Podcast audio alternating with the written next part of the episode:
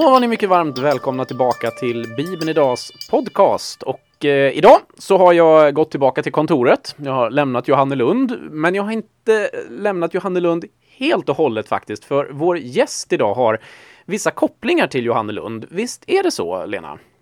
Ja, jag har starka kopplingar till Johannelund kan man säga.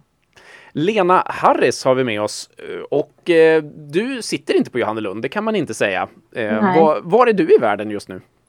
Jag eh, sitter på ett väldigt vackert ställe utanför Bath i sydvästra England och tittar ut över eh, vackra omgivningar, kullar och dalar med lite träd här och där och vackra gamla stenhus. Är inte det ett sånt där semesterparadis för britter? Jo, det är det faktiskt. Ja. Precis. Även för britter är det det. Så är du på semester eller har du några andra ärenden ö, ja. över där? I... Mitt ärende är faktiskt en ny familj eftersom jag gifte mig för två år sedan med en engelsman och flyttade hit. Just det. Så du har flyttlandet helt enkelt? Ja, jo precis. För kärleken, okej. Okay. Ja. Mm.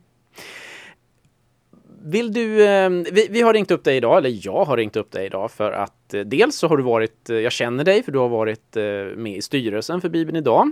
Mm. Något som blev lite svårare när du flyttade till England så därför mm. så eh, lämnade du det uppdraget. Eh, men du har också jobbat då eh, på Johannelund och eh, delvis tror jag kopplad fortfarande till Johannelund. Du ska få reda ut det där lite grann. Mm. Ehm, men eh, berätta lite om dig själv så vi får lära känna dig lite.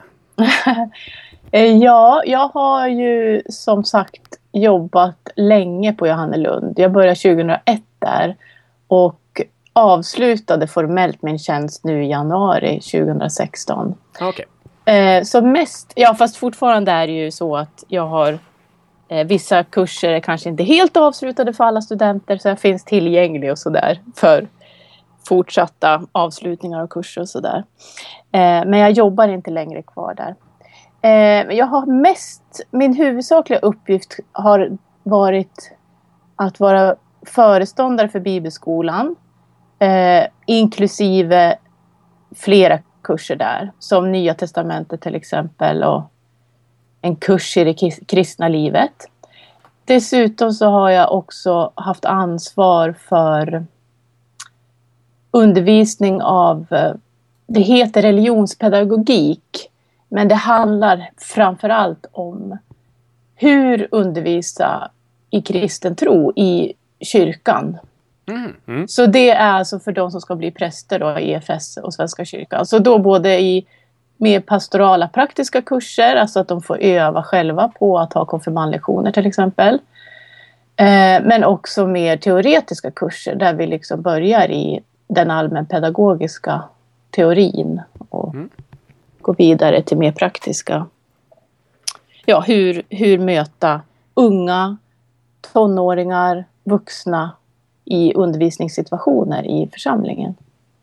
Så det har varit mina två huvudområden på Johannelund. Just det.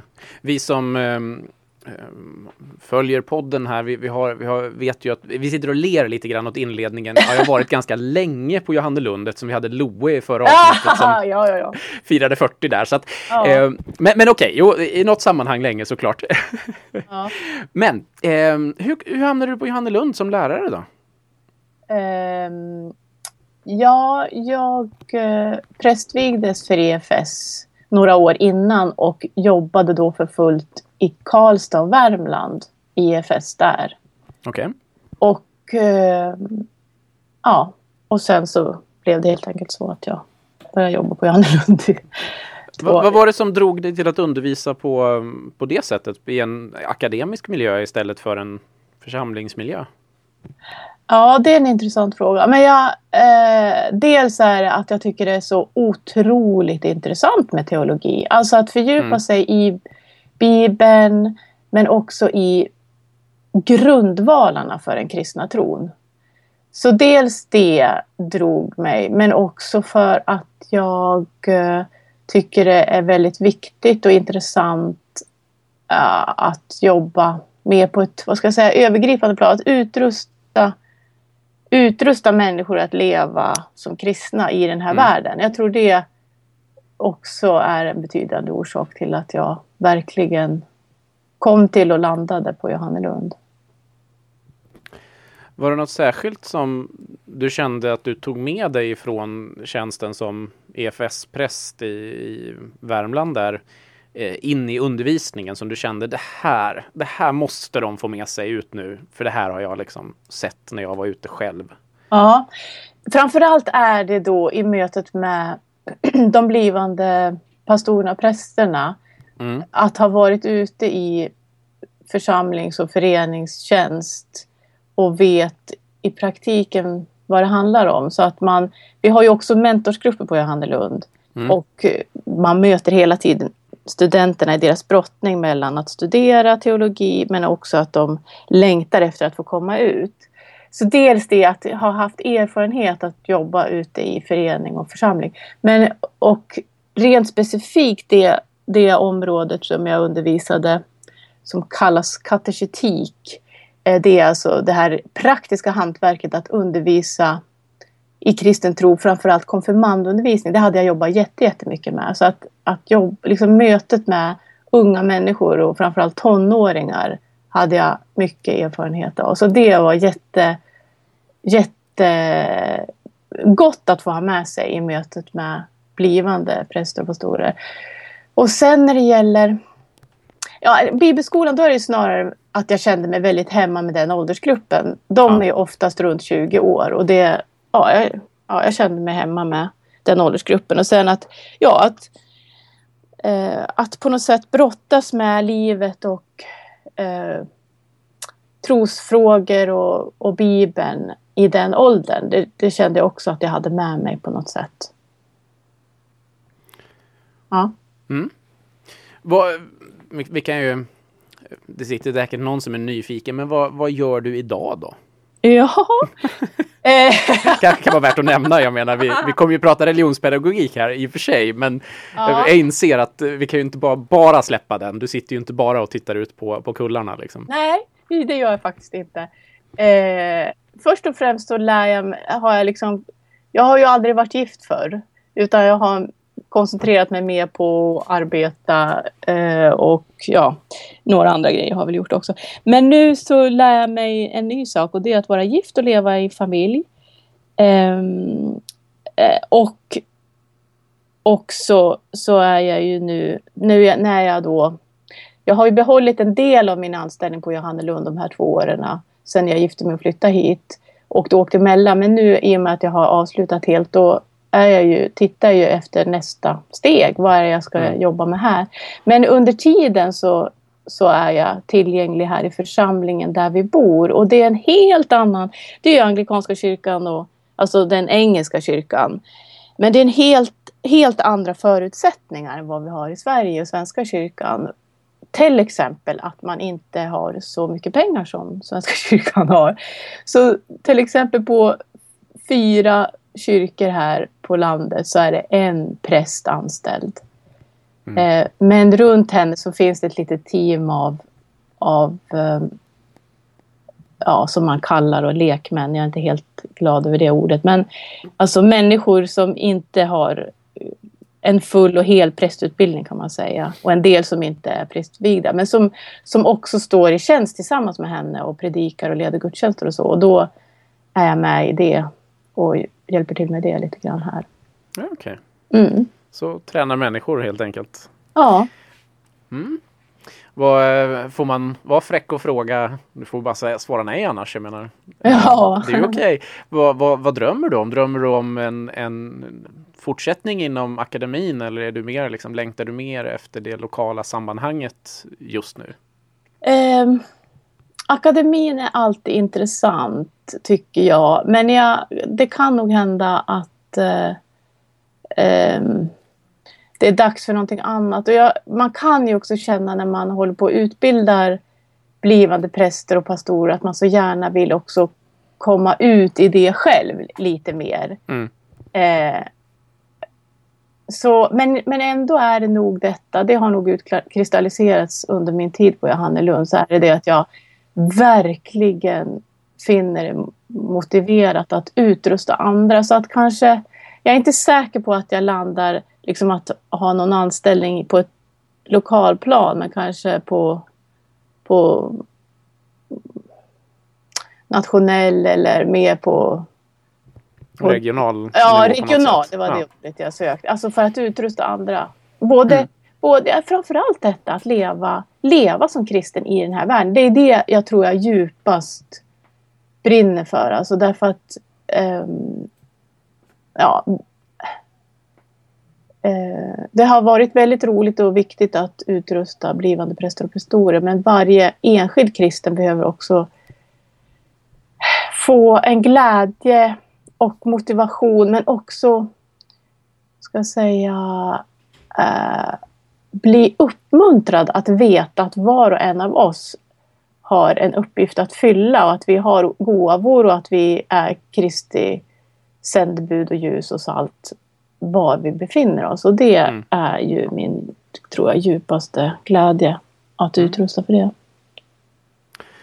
Du, eh, vi går tillbaka till eh, akademin och Johannelund här en sväng. Mm. Du, du, nämnde att du bland annat då hade jobbat med väldigt eller väldigt, du hade jobbat te teoretiskt också med, ja, ja. med alltså, allmän pedagogik eh, ja. och, och så vidare. Va, vilken del i den allmänna pedagogiken, om vi nu använder ett flummigt begrepp här, mm. eh, är det man främst vill lyfta upp i, när man utbildar präster och blivande pastorer och ja, sådär. Vad va, va, va är det du känner att eh, det finns ju såklart jättemycket att ta av, men, men vill du lyfta no någonting som är sånt som, men det här var det som jag särskilt slog på eller särskilt ville att de skulle tänka på och jobba med i, utifrån alltså lärdomarna ifrån den om vi kan kalla det sekulära pedagogiken. Ja, ja men det är det det handlar om. Alltså, alltså att pedagogik är ett större perspektiv än mm. just i ett kristet sammanhang. Alltså att, att, att se på vetenskap och forskning när det gäller teorier omkring ja, hur man lär sig. Det är det det handlar om väldigt mm. mycket. Och dels så tycker jag det är intressant och viktigt. Jag vill att studenterna ska få med sig lite hur det har sett ut i historien. Hur, vad har man tänkt om det här med att dels att, att få kunskap om sin omgivning, få kunskap om världen. Hur får vi kunskap? Är det genom att titta utåt och söka och forska eller är det genom att tänka och fundera? Eh, och det är sådana här riktigt gamla rötter i ja, många, många hundra år tillbaka, redan i antiken och sådär, där man hade tankar om det här. Så dels så handlar det om filosofin och, och, och teori omkring det här. Hur får vi kunskap om verkligheten? Eh, så dels vill jag att de på något sätt ska vara grundade och ha en grund i det så att man inte bara köper de senaste teorierna omkring, i det här fallet då, pedagogik. Mm. Eh, så vara ordentligt grundad och kunna på något sätt urskilja vad är det för filosofiska tankar som finns bakom. Men sen handlar det mycket också om att titta på den, de senaste tidernas forskning och erfarenhet i, omkring hur människor lär sig. Och då, då tänker jag att det är viktigt eh, att vi faktiskt är eh, lite utrustade för detta så att man inte bara går på i gamla hjulspår och tänker om jag bara pratar och undervisar 45 minuter och alla mm. sitter där och lyssnar så kommer de att ha både förstått och också integrerat det i sin person och sin, sin övertygelse. Utan att, vi, att eh, Eh, jag och vi mm, vill att de som är blivande lärare och undervisare, till någon mån är man ju det alltid som präst. Eh, och att, att på något sätt se vad har den sekulära pedagogiken eh, uppmärksammat i mönster i vad som är viktigt när människor lär sig. Och till exempel en sån sak som att det är viktigt att själv vara aktiv i sitt lärande. Att inte bara passivt ta emot. Det är en sån där grundbult i den, i den så att säga moderna pedagogiken. Att man behöver själv vara aktiv. Man behöver själv kanske söka information, man behöver bearbeta och man får information till sig genom föreläsning eller studium eller, eh, eller att man har lyssnat på någon, ja eller att man har läst. Så behöver man också bearbeta sig mycket forskning. Alltså att man behöver samtala med andra, man behöver pröva, man behöver testa på olika sätt. Eh, och inte minst inom kyrkan så är det också viktigt, tänker jag, det har delvis ihop med det, men det, det handlar om mer än det. Alltså att man funderar över vad vill vi ska hända med människor? Är det endast att människor ska kunna lära sig någonting i huvudet och förstå? Det är en jätteviktig beståndsdel och det är inte så att man i kyrkan liksom tar bort huvudet och nu ska vi sluta tänka. Men det är mer än huvudet. Och när mm. Bibeln talar om kunskap så inbegriper det hela personen. Och, att, och även en relationell dimension. Och det talar också den sekulära pedagogiken om. man brukar tala om tre huvudområden inom pedagogiken eller i lärande eller kunskap, nämligen fakta och förståelse, att förstå kognitivt med hjärnan, men också kunna använda kunskaperna så att göra ett, en handlingsdimension. Men man brukar också tala om en tredje som har att göra med, med, med relation. Och i sekulära sammanhang kan man tala om en, en glädje eller ett förhållningssätt. Eh, ett, till exempel ett förhållningssätt i, eh, i relation till det man lär sig till exempel. Och det kan man väldigt lätt applicera i ett kristet sammanhang. Man talar om, och vi brukar säga kort och koncist, hjärna, hjärta, hand i, i, i, när man talar om olika mm. dimensioner eller områden av kunskap. Och det är väldigt lätt och väldigt användbart i, i kristna sammanhang att tala om en, en, en sån bred förståelse av vad kunskap är. Ja. Vad skulle du säga utifrån den om man nu ska kategorisera det så, kristna religionspedagogiken. Mm, ja. Mm, vad, vad, skulle du säga är det främsta som den allmänna sekulära pedagogiken skulle kunna lära sig utifrån den kristna pedagogiken? Finns det någonting du tänker på som oh. särskilt liksom? Oh. Vilken intressant fråga. Oh, nu måste jag tänka lite här. Um... Ja, det är okej okay att tänka. ja, tack. Um... För jag tänker att vi har en, en lång tradition i, i både kristen idétradition och i judisk, om vi backar ännu längre, av ja. just lärande. Ja. Och jag tänker att det säkert har påverkat den framförallt västvärldens lärande och så vidare. Men finns det någonting idag man skulle kunna lyfta som, ja, men här har vi någonting som funkar hos oss och som det sekulära samhället på något sätt tappat lite grann? Mm. Kanske relationsdimensionen då, att liksom eh, undersöka den lite mer. Och det finns eh, en... Ja, det är svårt att svara kort på det här, men alltså det finns en... en eh, Vi har tid. Ja, en amerikansk Eh, religionspedagog och man, där brukar man tala om Christian education. Det blir ju mer fokuserat, man förstår mer vad man pratar om. Han heter Parker Palmer och han pratar om att inte bara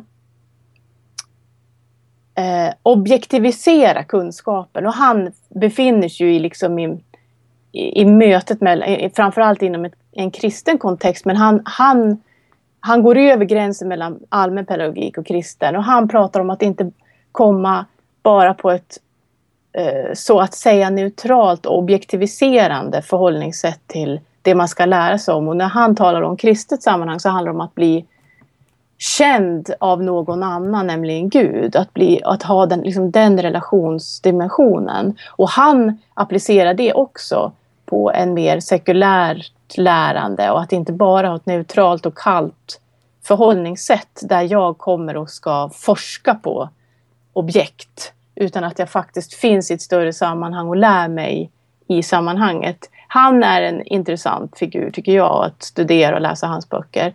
En annan sak som jag tänkte på är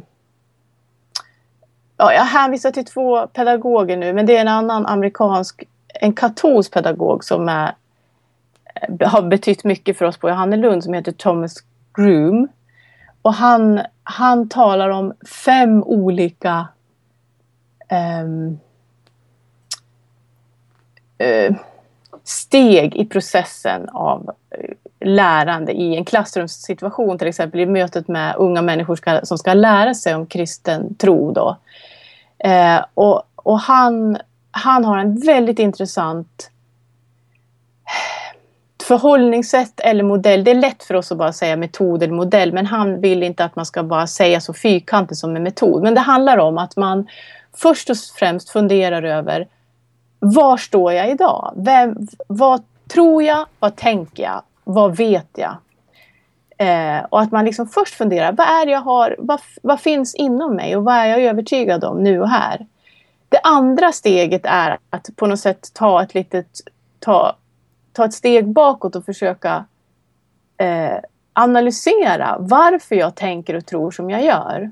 Och det, det är ett väldigt viktigt bidrag tänker jag. Att man liksom inte bara går på som en ångvält och tänker så här, ah, det här, så här är det bara. Utan man först funderar, vad har jag inom mig? Vad tror jag? Vad tänker jag? Vad är jag övertygad om? Och sen faktiskt fundera, det kan man göra tillsammans med någon annan i, i, i klassrummet. Alltså att man funderar över, ja det här är min bakgrund och jag har blivit präglad av det här. Eh, så att man liksom analyserar sin eget övertygelse eller kunskap. Och sen när man har gjort det i mötet med till exempel konfirmander då. Sen är det dags att presentera och ge information av det som är ämnet för dagen. Eh, om vi till exempel talar om, om har eh, Guds kärlek till exempel, om det är temat. Mm. Och så att de får, först får fundera över vad tror jag om Gud? Och de kan komma från helt olika sammanhang. En del är kristna, en del är inte alls kristna. Vad tror jag om Gud? Vad tänker jag om Gud? Vad är mina ståndpunkter om det här med Gud? Och sen får de fundera tillsammans med någon annan. Och sen för det tredje, sen kan man eh, på ett bra sätt då förmedla och komma med information. Så här säger Bibeln om vem den kristne guden är och hans, hur han ser på människorna. Och sen, det är det tredje steget. Sen det fjärde handlar om att på något sätt eh, få ihop de här två. Min lilla värld som Thomas Groom talar om och den stora berättelsen. Den lilla berättelsen är mitt liv, vad jag tror och tänker. Den stora berättelsen är den kristna bekännelsen. Och låta de två mötas så kan man jobba med massor med olika uttryckssätt som drama, musik, teater, sitta och rita, samtala. På något sätt bearbeta den information man har fått tillsammans med det man redan har. Och sen det sista som också är väldigt intressant. Ofta känner många som har jobbat med konfirmander igen sig i de här fyra första stegen. Men det mm. han också talar om det är att också sen fundera över vad får det här för konsekvenser för mig nu? Om jag jämför med vad jag kom in i, det här, i klassrummet med idag vad jag tänkte och trodde om Gud och hans kärlek. Har jag blivit utmanad på något sätt? Och då är hans femte steg beslut. Som på ett sätt då vi kan tänka, ja då vill jag bli kristen. Men det handlar om små, små, små beslut i varje lektionssammanhang. Att fundera över, jaha, hur formar det det här? Den nya information jag har fått, hur formar det min kunskap och min förhållningssätt och min ståndpunkt? Men också den tredje dimensionen av det här med kunskap och lärande. Alltså vad, hur vill jag leva mitt liv då? Det, han har betytt mycket för oss och där han, hans approach som han kallar det för till lärande och undervisning menar han inte bara passar i ett kristet sammanhang utan det kan man jobba med på alla möjliga sammanhang. Och han drar ju också utifrån sekulära och allmänpedagogiska liksom, teorier men han, han gör det till en mycket intressant helhet tycker jag. Och där tycker jag att det kan man ta med sig i allmän pedagogiska sammanhang också. Och egentligen, eftersom vi har det här, det kallas religionspedagogik då på Johannelund och det är också en, en liten avdelning att fokusera på skola och, och att lära sig om religioner i skolan eller krist, och kristen tro i skolvärlden. Så, eh, så han, hans, hans approach är någonting som jag tror att man kan använda i många, många olika sammanhang. Men sen, alltså det där är en så stor fråga som du frågar som är jätteintressant och viktig så att skulle jag ha ännu mer tid att tänka så är det ju massor med sätt som, som den allmänpedagogiken eller lärande i andra sammanhang kan lära av. Och förresten, jag kom på nu två normen mm. från menighetsfakulteten. Eh, de talar om också Eh, de talar väldigt mycket om, det var på, mycket på 60 och 70-talet som de utvecklade det här med lärande och undervisning både i skola och kyrka därför att eh, trosundervisningen i skolan var ju mycket längre kristendom i Norge än vad den var i Sverige. Så de kunde ha ett, liksom en, eh, föra in ganska mycket i skolans värld ganska länge i Norge. Men i alla fall det de pratar om är att kristen pedagogik och kateketik som de pratar mycket om. Det är inte bara ett litet ämnesområde bland många i skolan. Utan den kristna tron och kristen undervisning har ett helhetsanspråk på tillvaron. Alltså att det handlar faktiskt om en världsbild. Och då är ju koppling till det här med filosofi och världsbild, den är viktig. Och det, det är en viktig dimension inom allmänpedagogiken. Alltså att vad, hur ser vi på världen? Och vad är, vad är, ja, tänker vi att det finns en gud eller tänker man att det inte finns en gud? Så de har verkligen, de talar verkligen om ett helhetsanspråk på tillvaron, inte bara som nu ska vi undervisa i kristen tro, det är ett ämne bland många. Nej, just det. Så på så sätt så har ju, där har ju kristen eh, pedagogik, eller hur jag ska säga, ett helhetsanspråk på tillvaron. Alltså det handlar om också om existentiella frågor, alltså vad, hur ser vi på tillvaron? För ytterst så handlar det om, där jag börjar, alltså att vad, hur får man kunskap om tillvaron? Är det genom att tänka? Eller är det genom att blicka utåt och forska? Det är liksom så här två huvudlinjer inom filosofiska tänkandet och inom pedagogiken. Och där har den kristna tron och kristen undervisning en, verkligen någonting, ett helhetsspråk då på tillvaron. Oj, nu var det ett långt svar. Ja, ja precis. sorry, sorry, sorry. Ja, du, som sagt, det är det som är charmen med en podcast. Vi har liksom inga eh, speciella tider att passa här så att Nej. vi kan... eh, Då, jag menar, vill de inte lyssna så har de ju stängt av i det här laget. Jo, Eh, jo precis. Så, så att, eh, det, det finns många trådar i det här att dra i och jag tänkte mm, börja med att dra i, i just det här. Jag har skrivit upp på min lilla sida här, vid, min lilla lista vid sidan, så här, vilka är dina idoler? Och det har vi väl delvis fått svar på här kanske.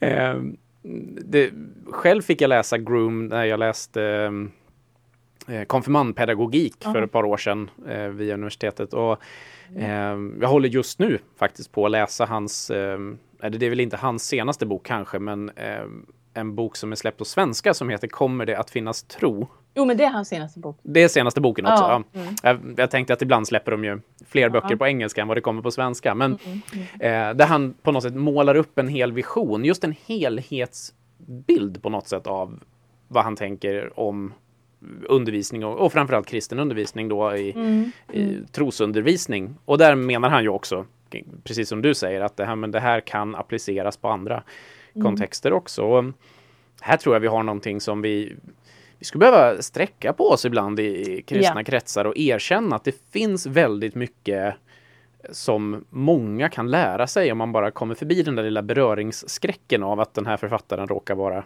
kristen. Mm. Ja, Eller- precis. Katolik i det här fallet till och med, Ja. Ja, Eh, då blir mm. folk lite rädda kanske. Men ehm, eh, den är intressant. Jag är inte igenom den än. Den är förhållandevis tjock för att vara någon slags introduktion till eh, hans tankar. Men den är intressant. Ehm, det är den och eh, det kommer finnas många saker att fundera över sen när man väl är igenom. Men eh, om det är någon som blev nyfiken på just Groom så stavar han alltså G-R-O-O-M-E. Mm. Eh, och då hittar ni både den nya och lite äldre titlar. Det finns en del översatt till svenska, gör det. Mm. Det som är roligt med honom är ju eh, Eh, att han är både hemma inom det här med världsbild, filosofi, den avdelning eller den dimensionen och sen också teorier från olika tider i, under 1900-talet omkring hur vi lär oss.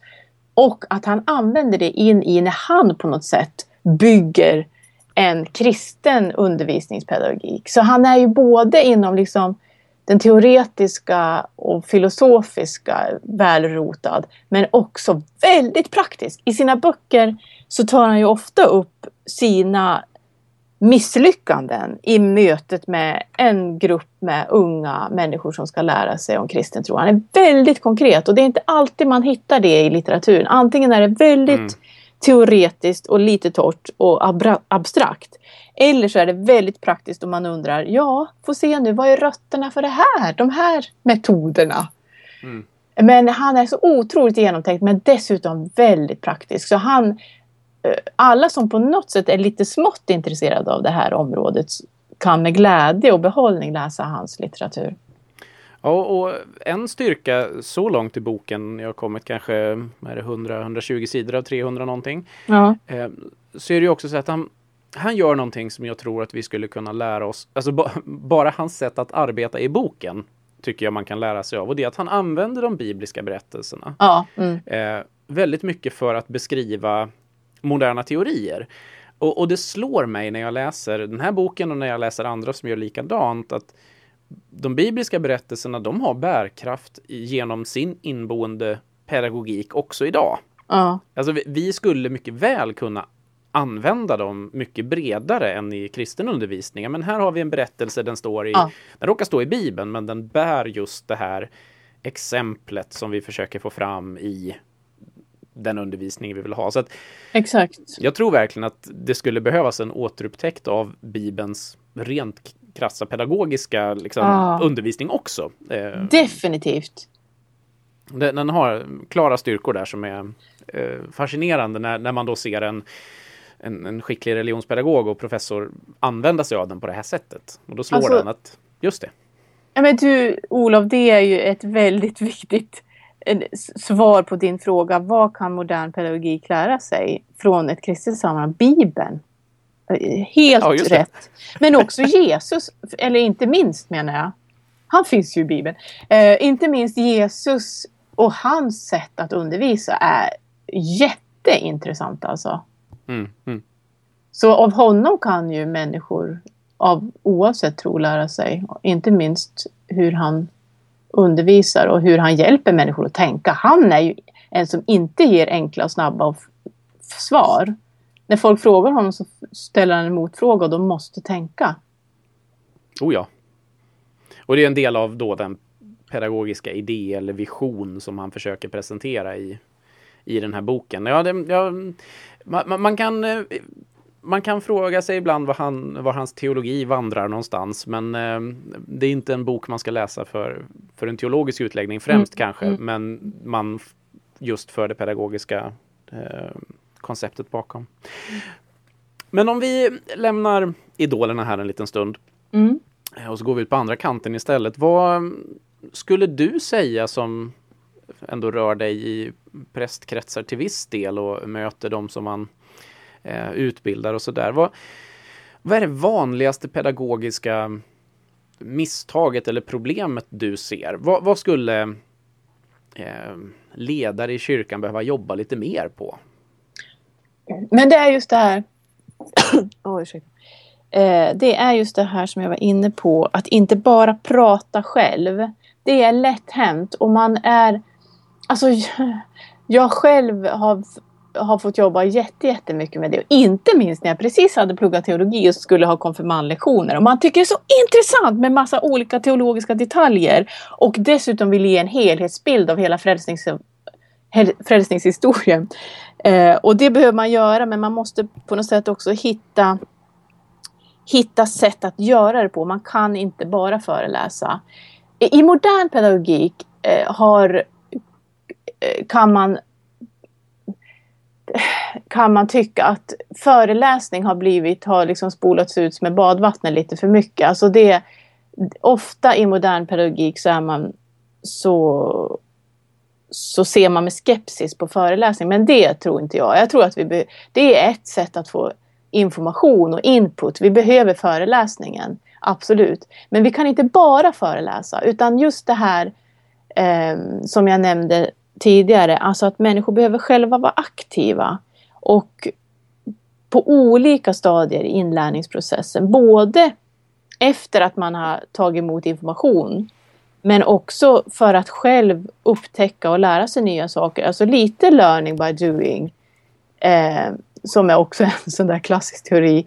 Eh, alltså att på något sätt kasta sig in och, och verkligen ska man säga, fördjupa sig själv både praktiskt och, och med, med tänkandet.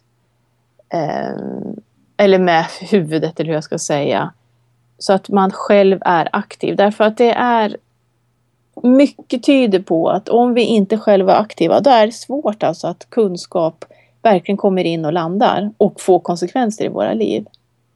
Både på ett förståelseplan men också i, i min, mitt liv och hur jag vill leva mitt liv. Men, men när man tittar på det, jag tror också att den eh, nu utmanar jag den utbildade pedagogen här, men mm, eh, är det inte också så att när man pratar om eh, att undervisa eller att tala inför människor eller vilken nu man liksom föreläsa eller sådär. Mm. Min känsla är också att den jag vet inte hur jag ska uttrycka den lata föreläsningen om vi säger så, där jag mm. bara ställer mig upp och pratar i 20 minuter eller 40 minuter. Mm.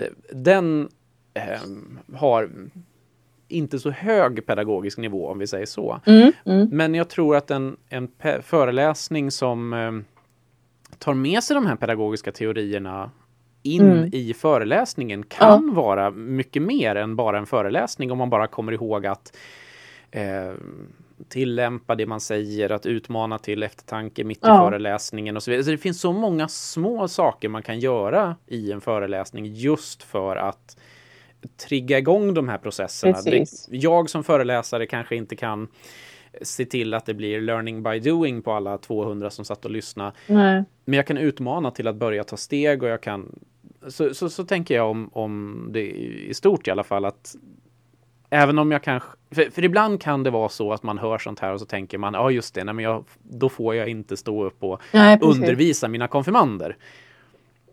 Men det tror jag inte heller att vi säger. Däremot Nej. kan man ju behöva ta en rejäl genomtänkare hur jag faktiskt undervisar. Mm. Men alltså det, det är jätteviktigt att du säger det Olof, därför att det tror jag också absolut.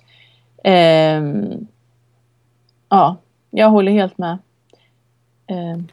Men vi litar lite för mycket på vårt tal ibland.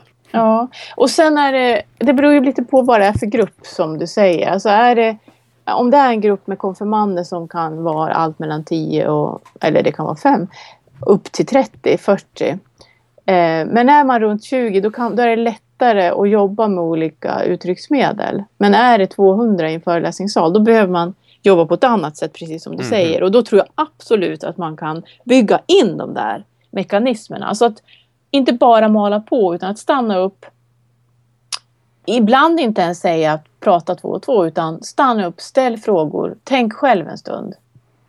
Mm. Det jag brukar göra ibland i föreläsningar som jag har lärt mig av Thomas Groom är att eh, säga nu ska vi prata om det här och här och nu vill jag att du tänker först själv. Eh, vad tänker du? Vad är din ståndpunkt? Vad, har du, vad, vad kan du redan om det här? Och sen får de prata två och två och sen fråga hela gruppen. Vill ni säga någonting i helklass? Då får man också, dels så får du som lärare ett hum om var de befinner sig därför att det är också en viktig beståndsdel i lärande. Alltså att du som lärare behöver kunna knyta an till var de som ska lära sig befinner sig. Så du, dels så får du ett hum om det, du hör vad de säger.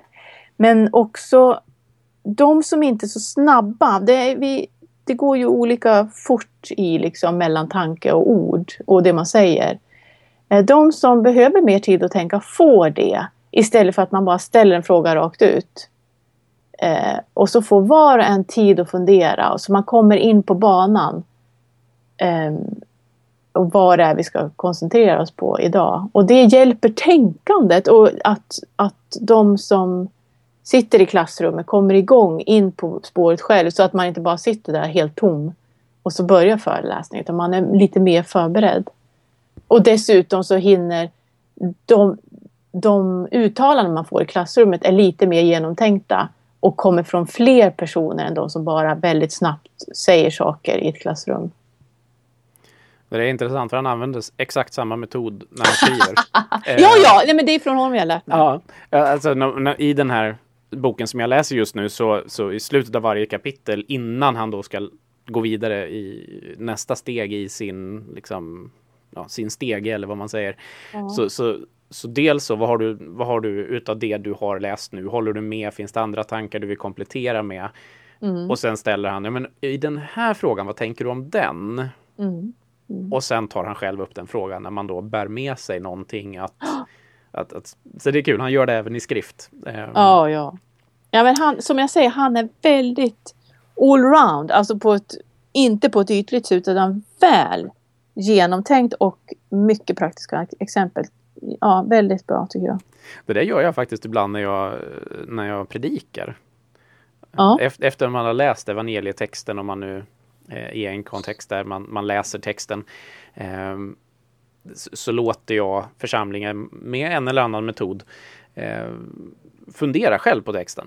Mm. Antingen läsa den tyst och så att säga, tugga på den för sig själv eller ha någon form av diskussionsövning som sammanfattar den här i tre ord eller någonting. Mm, så, att vad de är, bra! Så att de är bekanta med texten när man väl börjar Åh, själva tack! predikan sen. Det var en god idé. Ska jag komma? Ja, det funkar faktiskt väldigt bra och ibland känner man när man ställer sig upp att nu skulle jag faktiskt inte behöva säga så mycket mer för att Nej. de har upptäckt texten själva Ja, här och ja. mycket av det som jag tänkte säga har de fångat redan. Så att, Ja. men det, det är faktiskt väldigt, väldigt effektivt. Sen vet jag ju också att det inte alltid är uppskattat för att en del kommer till gudstjänst för att bara få sitta och inte Ja. göra någonting. Ja. Eh, så att man får inte missbruka det kanske. Mm. Vi ska ta och börja runda av här. Eh, det känns som vi skulle kunna prata länge. Vi får kanske Ja. återkomma med och, och grotta ner oss i någonting Ja, specifikt. gärna. Eh, så. Men eh, du ska få en eh, fundering här. Nu är det ju så här att du hamnade lite mitt emellan utgivningar här så att det är lite eh, rörigt vem som kommer efter dig i, i podden. Jag brukar ju alltid låta den som är före skicka en fråga till den som kommer efter. Wow. Eh, Så du har inte fått någon fråga här, eh, tyvärr. Men eh, du ska få ställa en fråga i alla fall. Mm. Så du får den lätta delen. Eh, och eh, jag tror att den som nu kommer på tur här, om inte någon annan hinner in emellan, det är James Starr. På, Oh, wow! Ja, jag ställer gärna någon fråga till honom. Ja, jag kan tänka mig det. Ja. Vi ska prata Petrusbrevet första. Ja. Han har skrivit en kommentar i eh, NTB, alltså Nya Testamentets budskap-serien som ges ut, en bibelkommentarsserie. Ja. Eh, och vi ska prata lite om det, om hur det har varit att jobba med en bibelkommentar på det sättet och eh, första Petrusbrevet då specifikt också. Ehm, den här intervjun har liksom legat och skvalpat ganska länge, men nu tror jag verkligen att den ska bli av om inte någon blir sjuk. Ehm, så att eh, du kan fundera lite grann. Är det så att du eh, har någonting som du skulle vilja eh, fråga honom? Och under tiden Mm. så eh, tänker jag slå ett slag för att eh, nu så finns eh, nästa bibelguide ute. Eh, Johannes Inberg, som ni ju har hört i podden, får, har nu släppt sin bibelguide till Kolosserbrevet och Filemonbrevet. Eh, så att nu finns den att eh, beställa om ni skulle vara nyfikna på att använda den för eget studie eller i eh, grupp nu när ni börjar fundera på vad som gäller för höstens bibelstudier eller sådär. Och det finns ju många fler i den serien. Jag vill också passa på att slå ett slag för att om inte så lång tid nu så kommer också eh, en eh, bibelguide till eh, jobb och klagovisorna. Eh, det är inte i samma serie utan det är ju så att för två, tre år sedan så skrev Staffan Ljungman ett antal texter i Bibeln idag kring jobb som var väldigt uppskattade. Och vi har helt enkelt låtit Staffan Ljungman komplettera så att vi får hela jobb och också klagovisorna i en och samma bok. Eh, så det är alltså bibeltext och det är en kort kommentar då som man kan ha för en enskild vandring genom de svåra frågorna i livet helt enkelt. Om det om lidandet och, och så vidare. De frågor som jobb och klagovisorna ställer. Så vill man ha lite GT och um, jobba med i sommar eller i höst så kommer den boken alldeles strax också hos Bibeln idag. Men nu, Lena, vad, um, hur ska vi um, låta James jobba tycker du? Och du, ni kommer att ha ett jätteintressant samtal om... om äh, var det första Petrus? Ja, visst är det det va? Ja. Och, men ha, min fråga från mig kan vara hur Petrus beskriver kunskapen om Gud. Så, ja, olika... Nej, men jag bara säger så kort koncist. Kunskapen om Gud enligt Petrus. Det ska han få jobba med. Mm. Mm. Men då tackar jag dig så otroligt mycket. Och eh, är det något du skulle vilja slå ett slag för så här i slutet innan vi lägger på och eh, rör oss ut i, ja, vad det nu är för vår här. Men ja, Ja. eh, nej men det är nog min hjärtesak. Alltså att eh, varje kristen har både ansvar och, och möjlighet att läsa Bibeln och att dela Guds ord i ord och handling. Alltså att, att varje kristen är um, bärare av, av, av Guds evangelium, av Jesus Kristus, var vi än befinner oss och att leva ut det helt och fullt. Jag tycker det var ett fint sätt att dra ihop det. Då tackar vi dig Lena för att ja. du var med och eh, vi hoppas på ett återseende här eh, mm. någonstans längre fram kring något mm. särskilt eh, tema eller ämne kanske. Mm. Ehm, så eh, hörs vi av. Tack så mycket. Ja, tack så mycket själv. Okej, okay. hej då. Hej.